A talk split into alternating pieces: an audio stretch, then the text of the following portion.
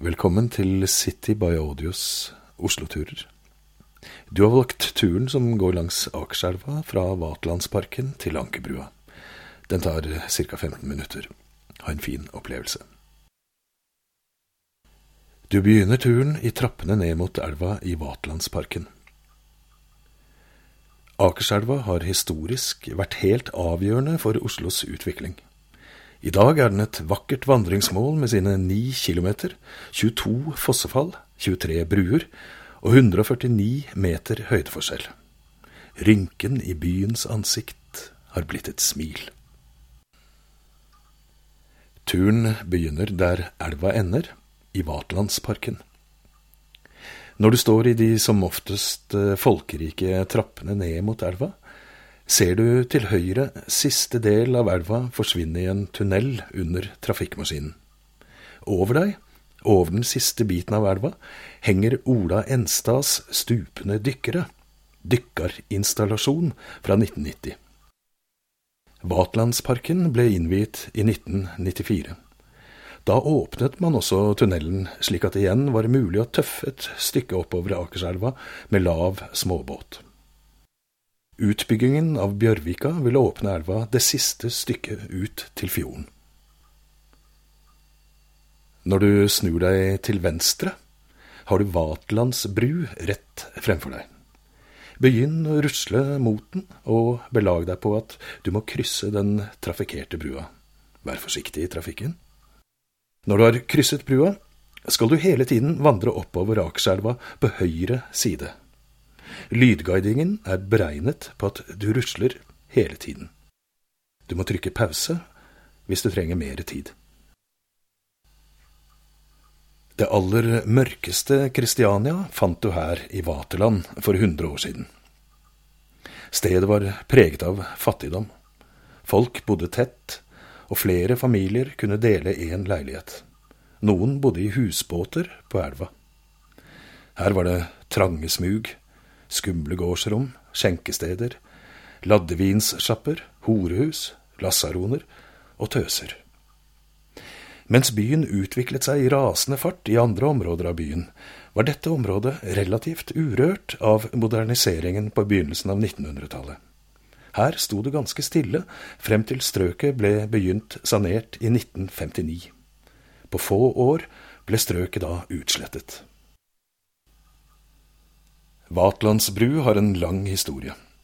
Den ble oppført i 1654 i stein med tre bruspenn. I 1835 ble den erstattet med en ettspensbru, og er senere bygd om og utvidet flere ganger. Akerselva markerte Kristianias østre grense, og brua ble knutepunkt mellom de østlige forstedene, de nordlige landområdene og byen selv. Området her ved Vatlands bru var preget av all slags handel. Bønder kom inn med jordbruksvarer og byttet disse med sukker, kaffe, brennevin, tekstiler og annet de ikke selv produserte. I trapper ned til elva bak brua var det et yrende liv og handel. Her ble det solgt fisk fra båter som kom opp elva. Klokker og tjuvgods kunne få tilbud om.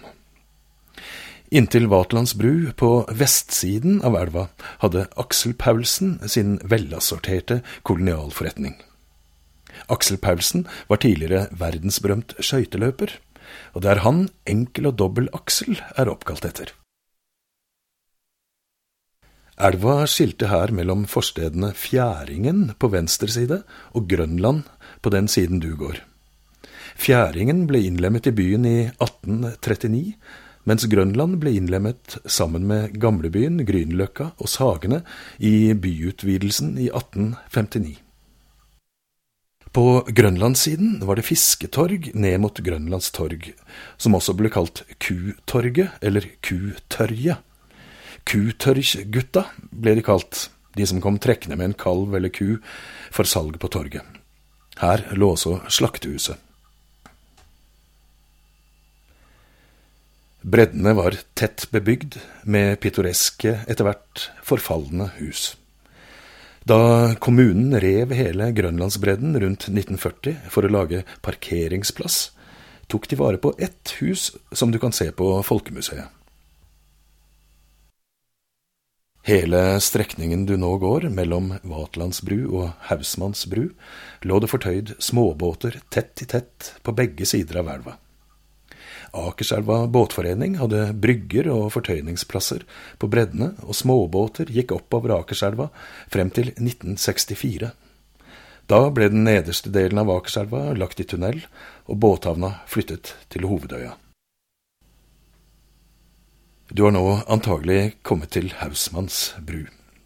Hausmanns bru har fått navnet etter generalløytnant Fredrik Ferdinand Hausmann, som var andre eier av Mangelsgården, og som eide Ankerløkken en periode. Brua var laget av støpejern og sto ferdig i 1892. I 1986 ble brua utvidet til fem kjørefelt. De originale støpejernsdetaljene er tatt vare på og satt opp igjen på brusidene. Båtene lå langs begge bredder også her. Kloakk og forurensning fra skinngarving og de mange fabrikkene gjorde elva mer og mer udelikat i lukt og farge, jo nærmere utløpet du kom.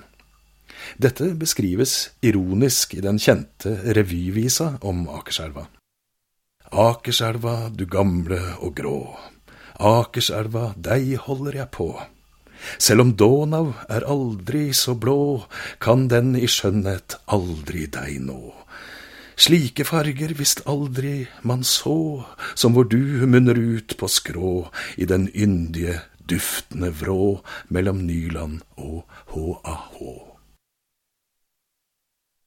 HAH er initialene til Køla-Pålsen, døpt Hans Arnt Hartvig Paulsen, kullbaron og den største energileverandøren i Kristiania i siste halvdel av 1800-tallet og fram til sin død i 1914.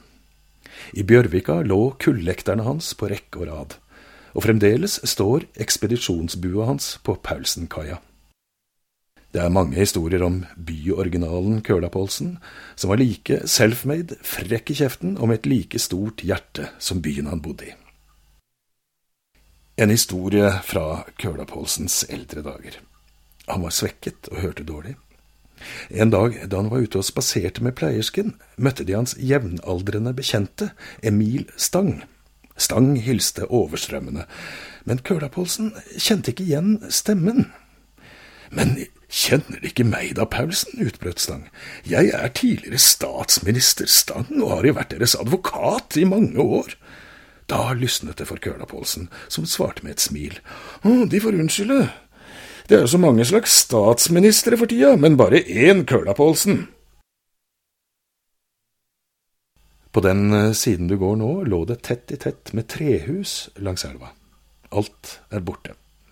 Det eneste historiske som står igjen her, er den gule Frikirken i Lakkegata 47 du passerer på høyre hånd før elva begynner å svinge mot venstre.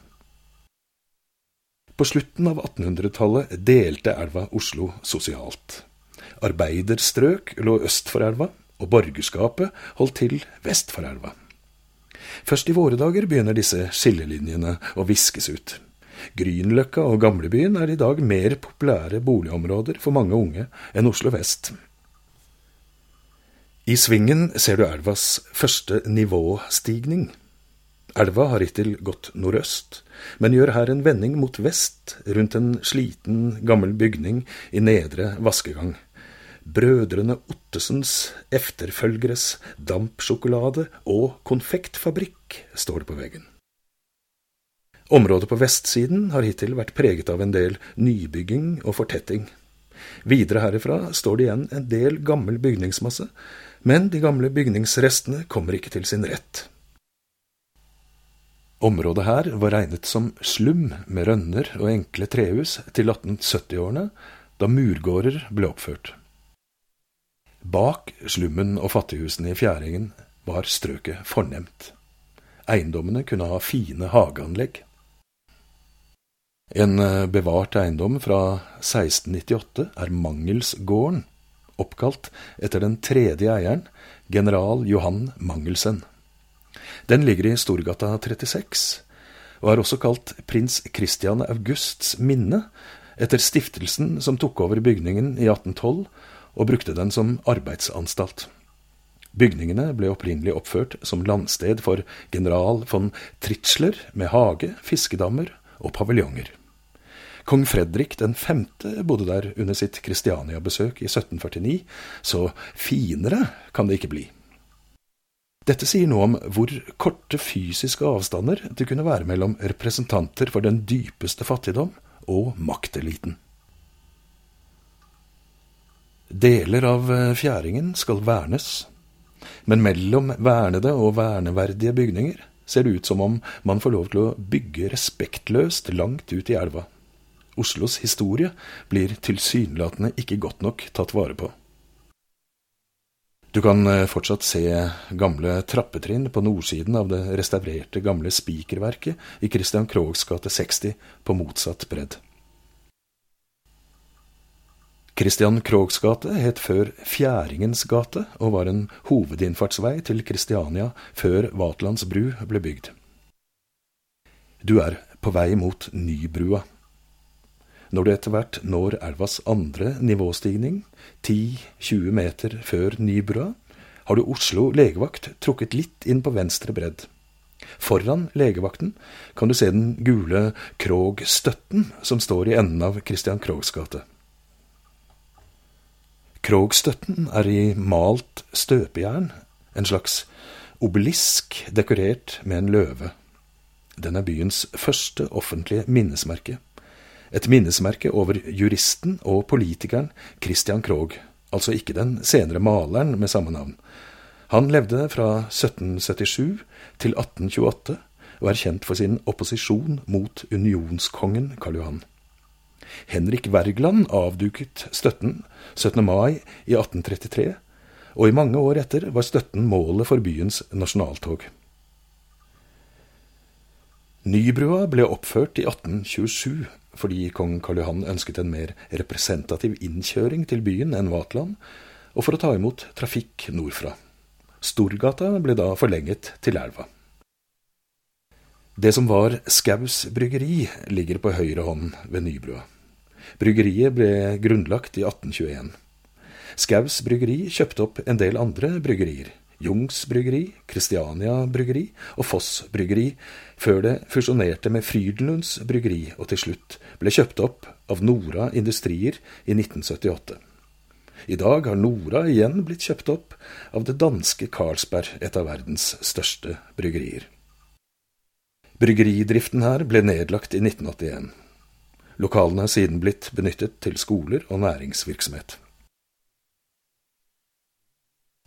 Kristiania var navnet på Oslo i 301 år. Fra 1624, da Kristian 4., etter en stor bybrann, besluttet å flytte byen til området rundt Akershus festning, til 1925 etter et stortingsvedtak. Etter 1905 var den nasjonale tankegangen sterk, og man likte ikke at byen hadde navn etter en dansk konge. Den gang var Akerselva et industriområde. Den så ikke ut som den idyllen elva er i dag. I dag har elva blitt så ren at du kan fiske ørret og laks i den om du har fiskekort. Laksen gyter under Nedre Foss 500 meter lenger opp i elva. Du ser nå Ankerbrua. Ankerbrua er oppkalt etter familien Anker, som eide et stort område på vestsiden av elva. Kommunen kjøpte deler av Ankerløkka av familien, og la ut et område til kirkegård etter at mange hundre døde av en koleraepidemi i 1833.